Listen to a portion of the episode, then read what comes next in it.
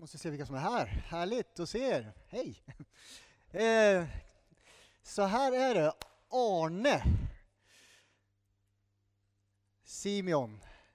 Zacharias Ternborg. Det heter min fjärde son. Tack, tack, tack.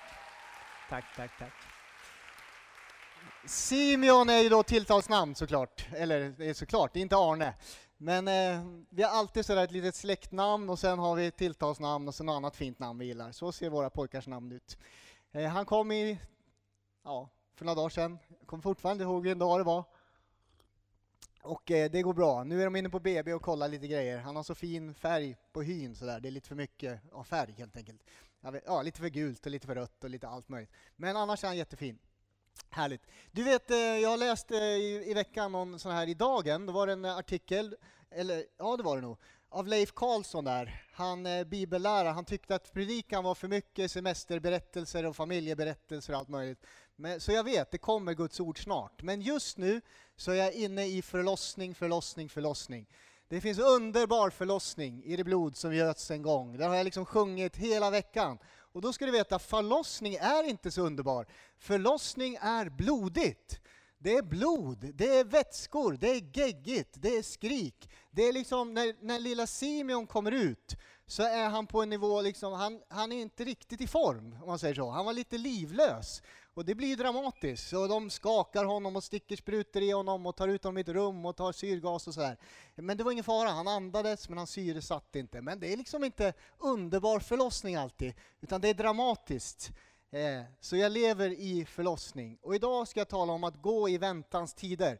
För så här var det, ja ni ser, det är bara förlossning. Så här var det, att jag hade ju liksom tänkt kanske byta predikan den här söndagen. Det var lite svårt att byta. Så jag hade ingenting förberett, ingenting alls. Och så åkte jag ner i fredags och så satte jag mig helt utan att ha förberett någonting och så tog jag en text och så började jag skriva om att gå i väntans tider. Så ni får ta det som det är. Det är liksom inte genomstuderat den här texten, det är inte liksom genomförberett utan, eh, utan det är bara fritt har jag skrivit i ungefär tre och en halv timme och så har det blivit eh, en hel bok nästan ser det ut som. Det blev tjockt idag, det var Gustav som skrev ut åt mig. Så mm, var med, nu ber vi en bön. Tackar dig Jesus, tackar dig Jesus för eh, ordet som ska förkunnas, förmedlas. Tackar dig för glädjen över ett nytt liv i min familj, men också nytt liv i våra liv, Herre. Kan du komma med liv, helig Ande. Tack Jesus för det här ordet. Ber att du ska tala, Herre, i Jesu namn. Amen. Eh. Låt mig först reflektera lite över hur det är när jag går i väntans tider. Och jag vet, jag är man och ehm, eh, det är inte samma sak som för kvinnan och det är inte samma sak som för alla män som väntar barn. Men så här är det, när Julia berättar för mig, hon kommer alltid med den där stickan, det är fyra gånger det har hänt, kommer med den där stickan och så är det två streck eller vad det är och så säger hon nu är jag gravid. Då tänker jag så här, är det verkligen sant? Det är min första reaktion. Det är inte jubel och hopp utan det är så här, är det verkligen sant?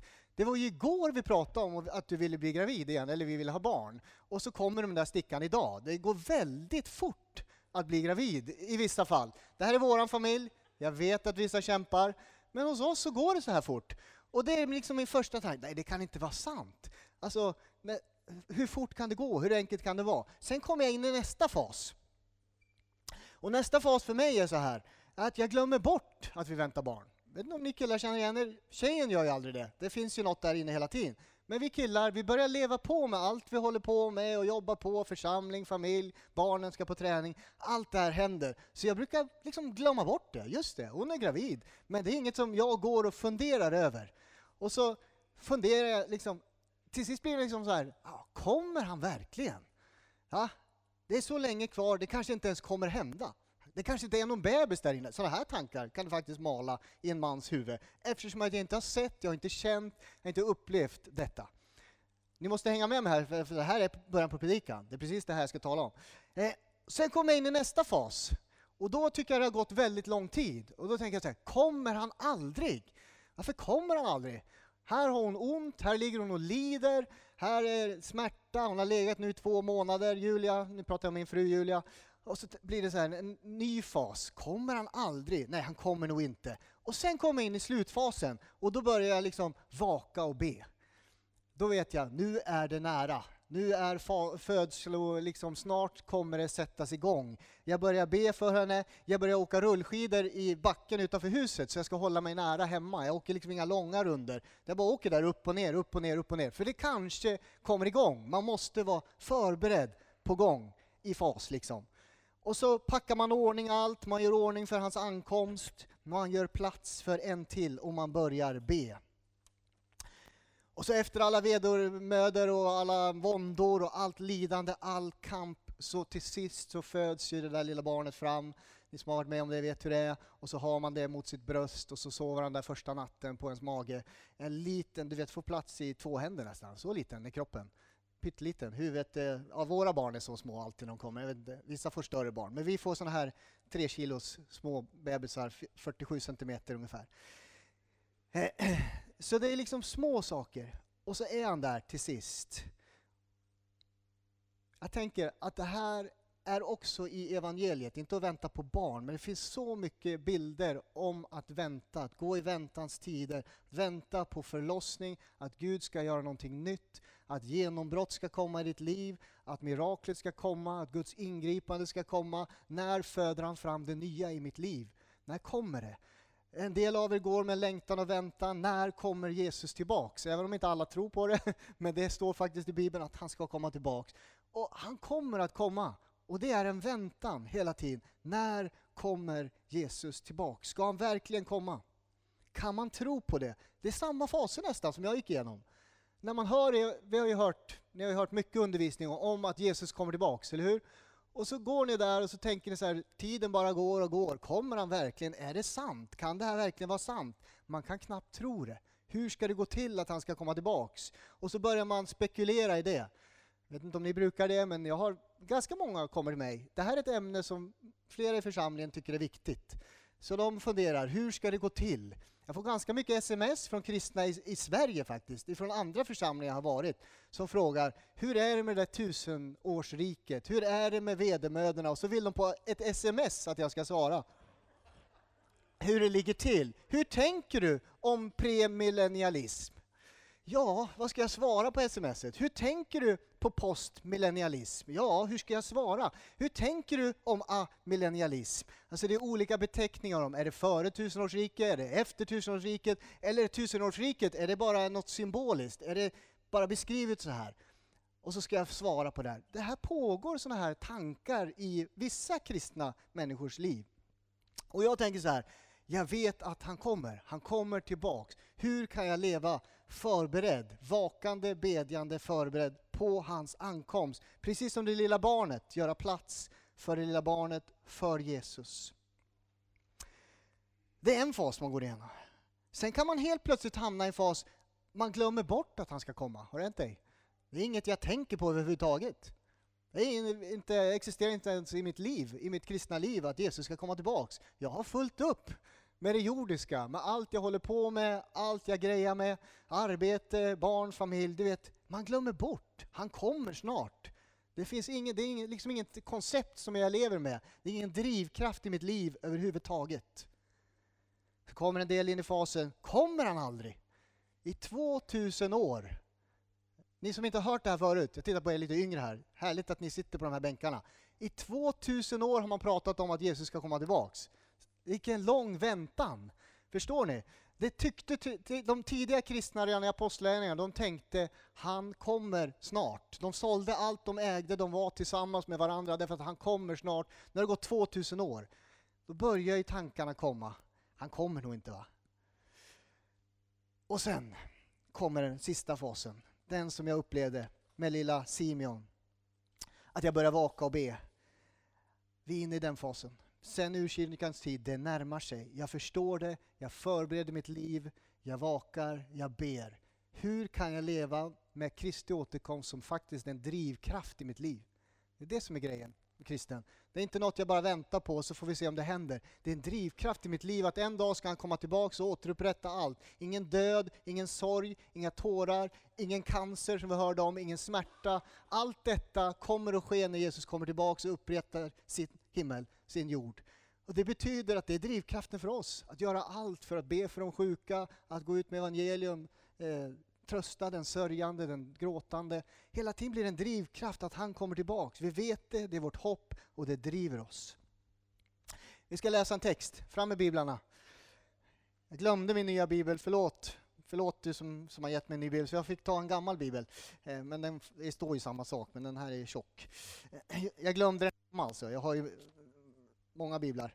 Ni vet när man slutar en tjänst någonstans, då brukar man få en bibel. Det tycker jag är jättekul. att man får biblar överallt eh, av församlingar.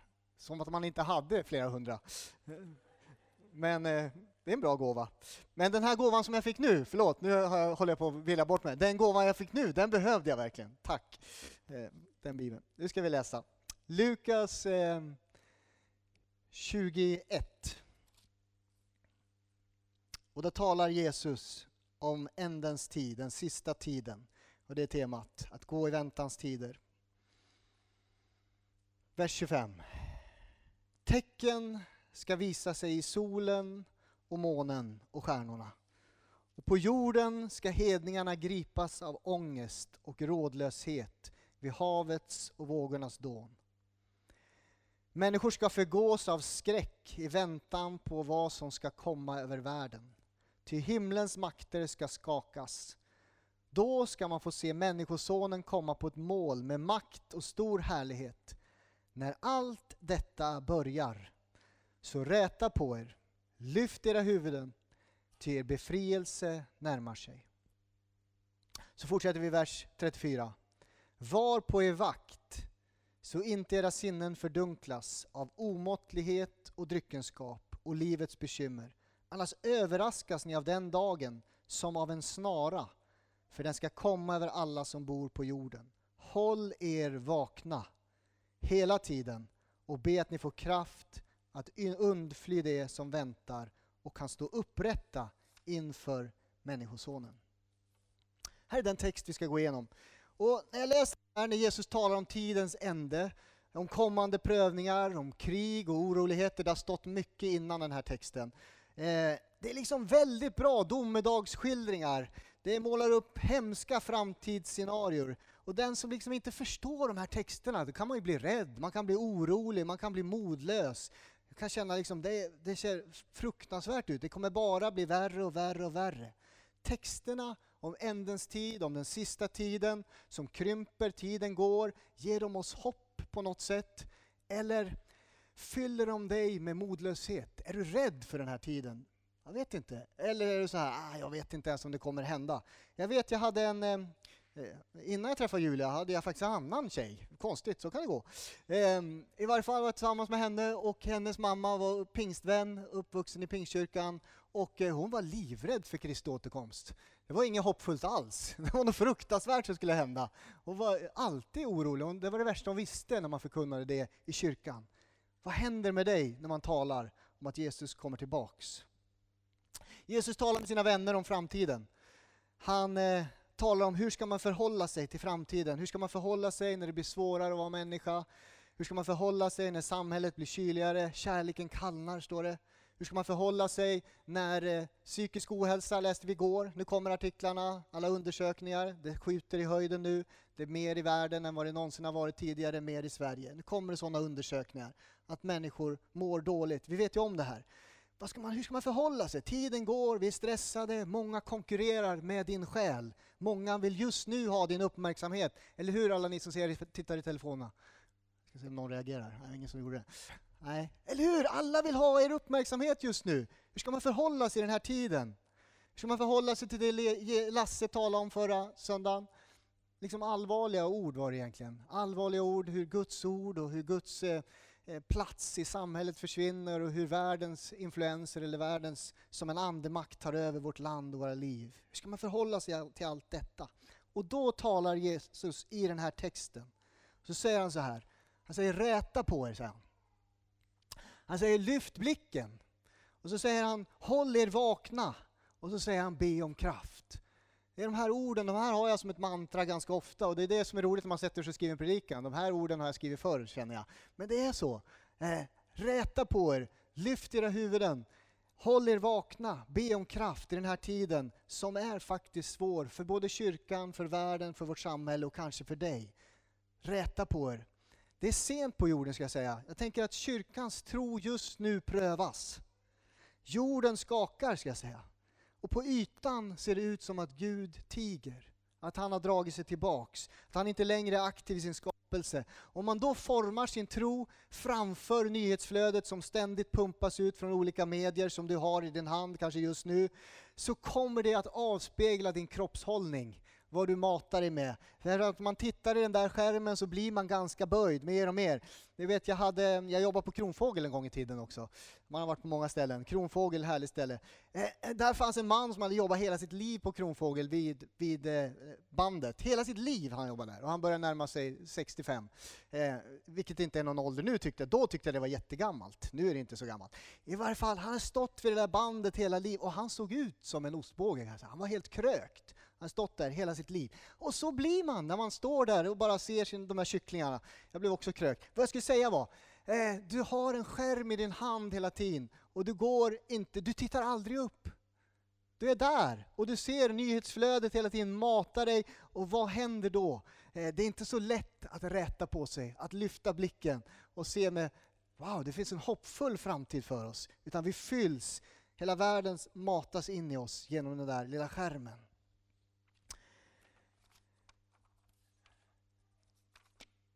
Jesus säger, rätta på er, lyft era huvuden. Han säger inte vänd bort ditt huvud. När du ser ondskan i jorden, när du, på jorden, när du ser svårigheter på jorden, du ska inte vända bort ditt huvud. Du ska, liksom inte, du ska se den. Det är bra att vi ser det, det som händer med människor, hur människor mår. Det vore ovärdigt att vända bort huvudet. Nej, mot alla odds så uppmanar han dig och mig, sina efterföljare, att vara frimodiga i den här tiden. Han uppmanar dig att vara frimodig. Vem rätar på sig och blir frimodig när världen är svårare att leva i? Ja, det är den människa som vet att tiden går mot räddning. Att tid går betyder att Jesus kommer. Måste vara med mig här. Att tid går betyder inte jordens undergång, även om en del profeterar så. Att tid går betyder att Jesus kommer. Det betyder frälsning, för när Jesus kommer kommer han för att rädda världen, inte för att döma världen. Så vi lever med ett hopp. Ja, han kommer tillbaks. Det är en verklighet i Bibeln, det är en verklighet för oss att leva med. Och att tiden går, fastän det ser så mörkt ut, fastän det ser så svårt ut, fastän det finns så många som inte tror, så betyder det han kommer. För varje dag när vi samlas i gudstjänst så kommer Jesus närmare. Varje gång du är i lovsång, i tillbedjan, varje liksom, stund när du ber så kommer Jesus närmare. Då kan man lyfta sin blick trots hur det ser ut. För han kommer, han närmar sig. Hans tid, tiden är frälst, den går inte mot undergång, den går mot återupprättelse. Jag skulle säga att vår Gud har inte dragit sig tillbaks. Han är så aktivt involverad i vår värld.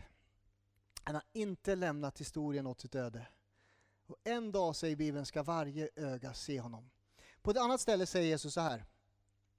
Ni säger fyra månader, det är lite skördetema också idag.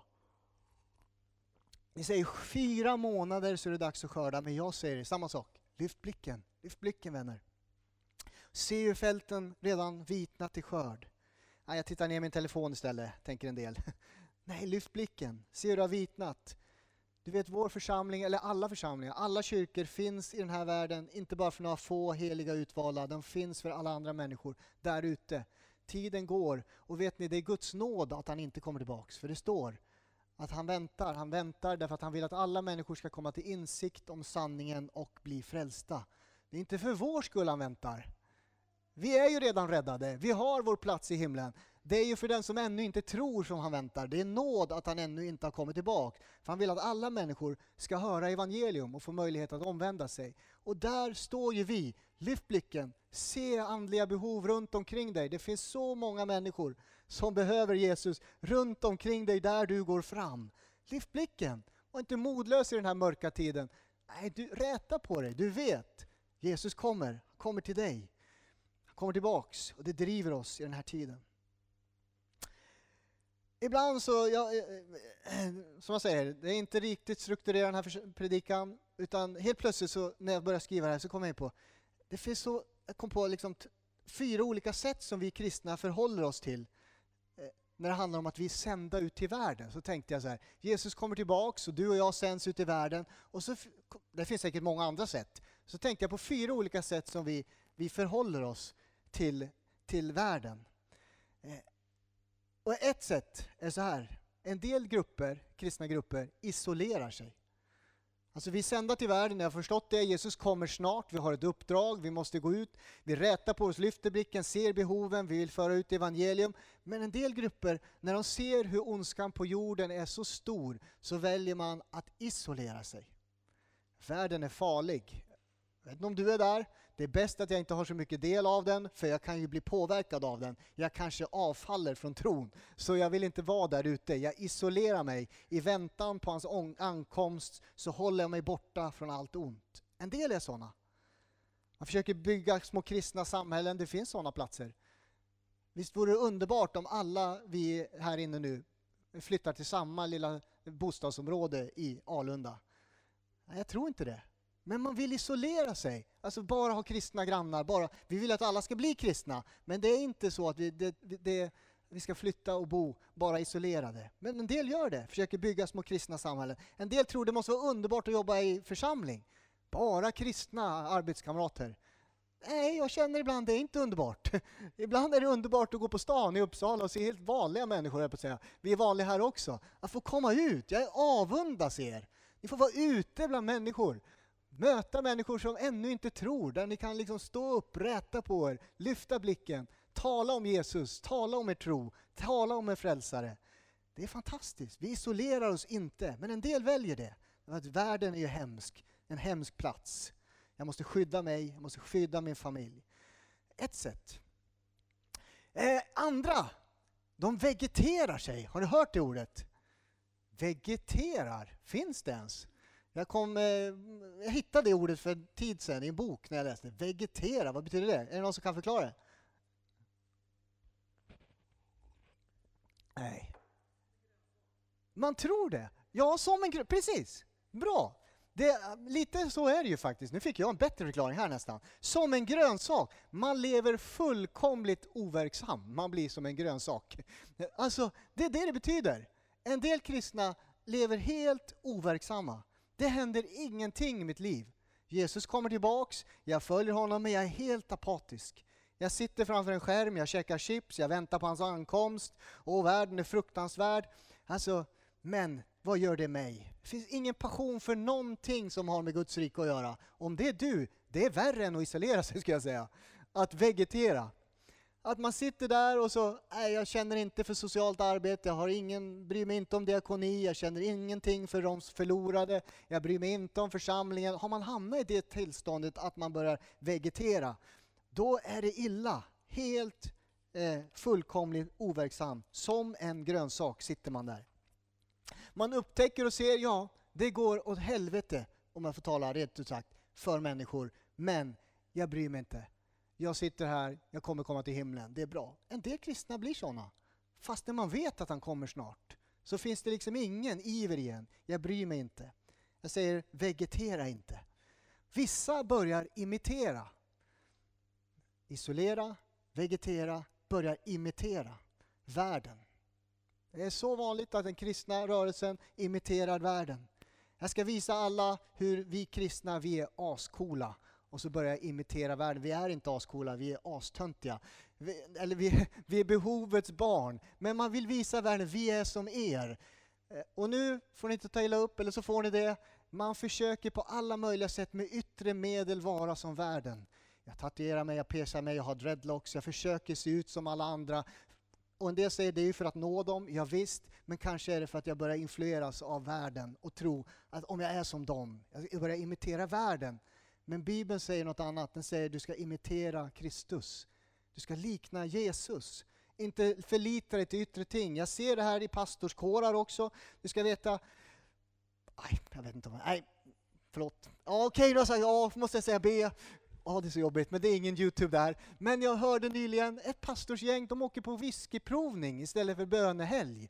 Alltså, och provar. Ja, jag vet, okej, okay, vi behöver inte, nu råkade jag säga så, förlåt. Men vad jag säger är, man imiterar världen, vi ska väl hitta på något annat. Så vi åker och provar det.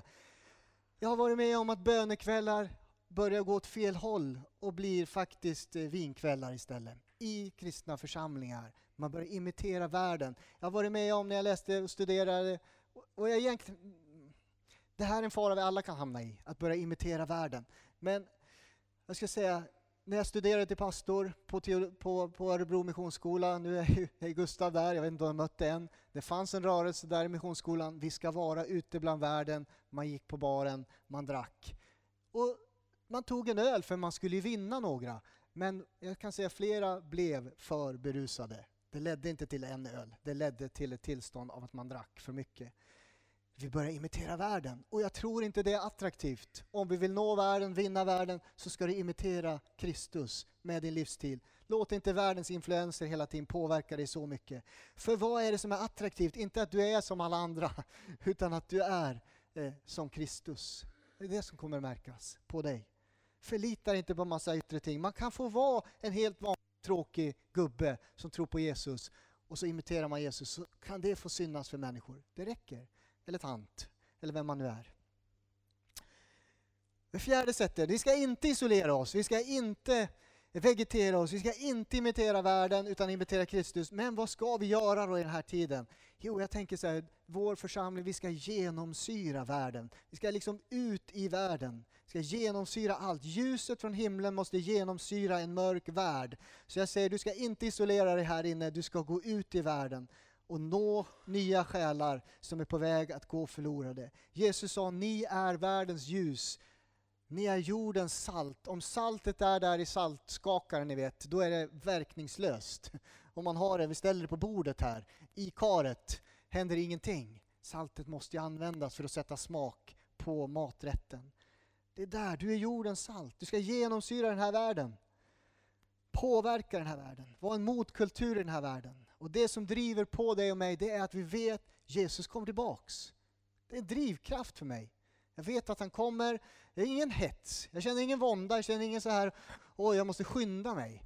Men jag vet att han kommer, därför vill jag idag göra de gärningar som han har kallat mig att göra. Hoppas du känner samma sak.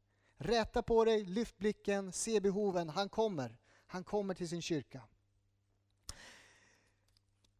Jag sa att jag hade en hel bok. Så här blir det. Det kommer fortsätta här. Nästa ord han säger så här. Håll er vakna, säger han.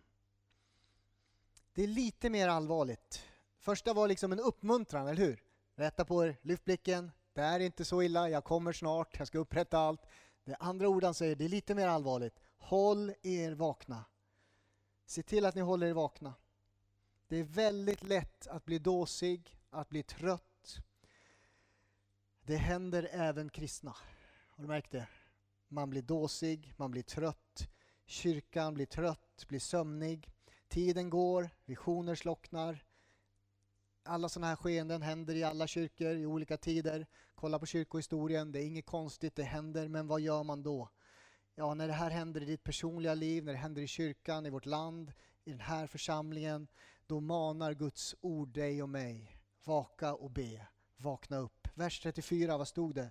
Var på er vakt, så inte era sinnen fördunklas av omåttlighet och dryckenskaper, alltså imitera världen, och livets bekymmer. Annars överraskas ni av den dagen som en snara för den ska komma över, eh, eh, för den, för den ska komma över alla som bor på jorden. Håll er vakna hela tiden och be att ni får kraft att undfly det som väntar. Håll er vakna, vaka och be. Alltså han manar oss till skärpt inre beredskap. Hur har du det med Jesus? Den där frågan som du har fått några gånger. Ordet manar oss att kasta av oss lite av den packning, alla de bördor du bär, allt som har gjort dig tung i sinnet. Ibland är det nödvändigt att se över sitt liv. Kanske det är den tiden för dig just nu att se över ditt liv. Hur står det till i ditt liv? Är du vaken? Vad är det för vanor i ditt liv? Det här säger jag ofta. Vad är det för vanor i ditt liv som har blivit laster? Jag, vet inte, jag sa det nog i en predikan för ett halvår sedan, men det är en mening som kommer till mig ofta när jag prövar mitt liv. Vad är det för vanor som har blivit last, som tynger mig? Som gör att jag inte lätt längre följer Jesus. Den går inte lätt i bönen längre, därför har jag blivit tung av annat. Mitt sinne har blivit tyngt. Vakna, säger Jesus. Hur gör man det? Det svåraste som finns tror jag, är att välja bort saker. Inte för att det är dåligt alltid, utan jag väljer bort saker för att välja Kristus. Väljer bort för att det får inte plats i mitt liv, i min familjs liv, så väljer jag bort det För jag vill ha en plats där Jesus får tid och plats med mig. Välj bort, avstå. Inte för att det är något dåligt som jag sa, utan för att mitt liv ska vinna en ny inre resning, en skärpa i anden som gör att jag ser klarare, som gör ger mig mod att leva annorlunda i den här tiden.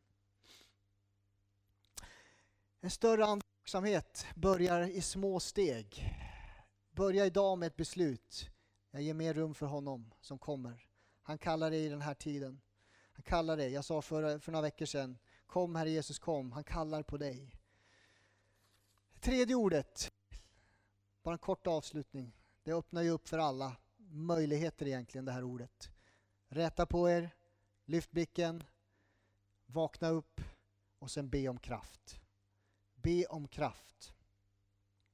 Bönen om kraft, det är en bön om helig ande.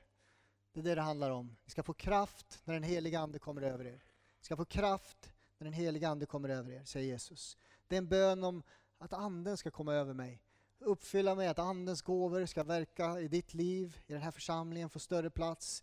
Det är en bön och bedjan när tidsandan fullständigt tömmer oss på energi. Kyrkan riskerar att bli ljum, orkeslös. Då ber man om kraft. Alltså anden kom över dem. När de var förföljda, när de var utsatta, när de hade svårigheter. De samlades tillsammans, de bad om kraft och anden föll. Fyllde dem på nytt, de gick ut, förkunnade ordet med ny kraft. Om du är orkeslös, be om kraft från Gud. Helig ande ska komma över dig. Be om kraft över varje predikan som predikas här. Be om kraft över ditt liv. Att liksom vara vaken för ordet. Vi väntar på hans ankomst, hans återkomst. Han har inte lämnat oss ensamma. Han har gett oss av sin ande, helig ande, en föraning om att han kommer. Låt dig uppfyllas av anden. Det är det jag sagt idag. Räta på er, lyft era huvuden, håll er vakna, be om kraft i den heliga ande. Mitt budskap idag. Nu ska vi be för dig. Vi kan ställa oss upp, ska be. Tacka Jesus. Om du kan stå, kan du inte stå så är det helt okej okay att sitta. Tackar dig Jesus. Vi ber här för var och en här Jesus. Just nu vill jag be för de här lärjungarna som står framför mig här Herre. Tack Jesus för var och en Herre. Varje kille, tjej, kvinna, man Herre. Tack Jesus. Du ser vad vi går igenom. Om vi ens vi kanske inte ens tror att du ska komma tillbaka. Vi kanske tycker att det här låter som sagor. Jag ber att det ska bli en verklighet för oss. En drivkraft för oss, att du kommer. Att tid går betyder att du kommer och du kommer med räddning för var och en, Herre. Tack Jesus. Tack att du kommer med räddning för oss. Du ser att det är flera här som behöver ett genombrott i sitt liv. Att du griper in nu, inte sen. Som har gått och väntat länge och behöver att du kommer nu med förlossning, med förlö att det liksom löser sig på något sätt. Tack Jesus. Jag ber helig Ande, kom. Kom Herre. Kom med ny kraft Herre. Du ser den som är modlös, kraftlös, inte orkar just nu. Du är den som fyller oss på nytt, med nytt liv, med ny ork, ny inspiration, Herre. Det kommer från dig. Var annars skulle vi gå, Herre? Till dig, Jesus. Tack, Herre. Tack, Herre. Be i Jesu namn. Amen.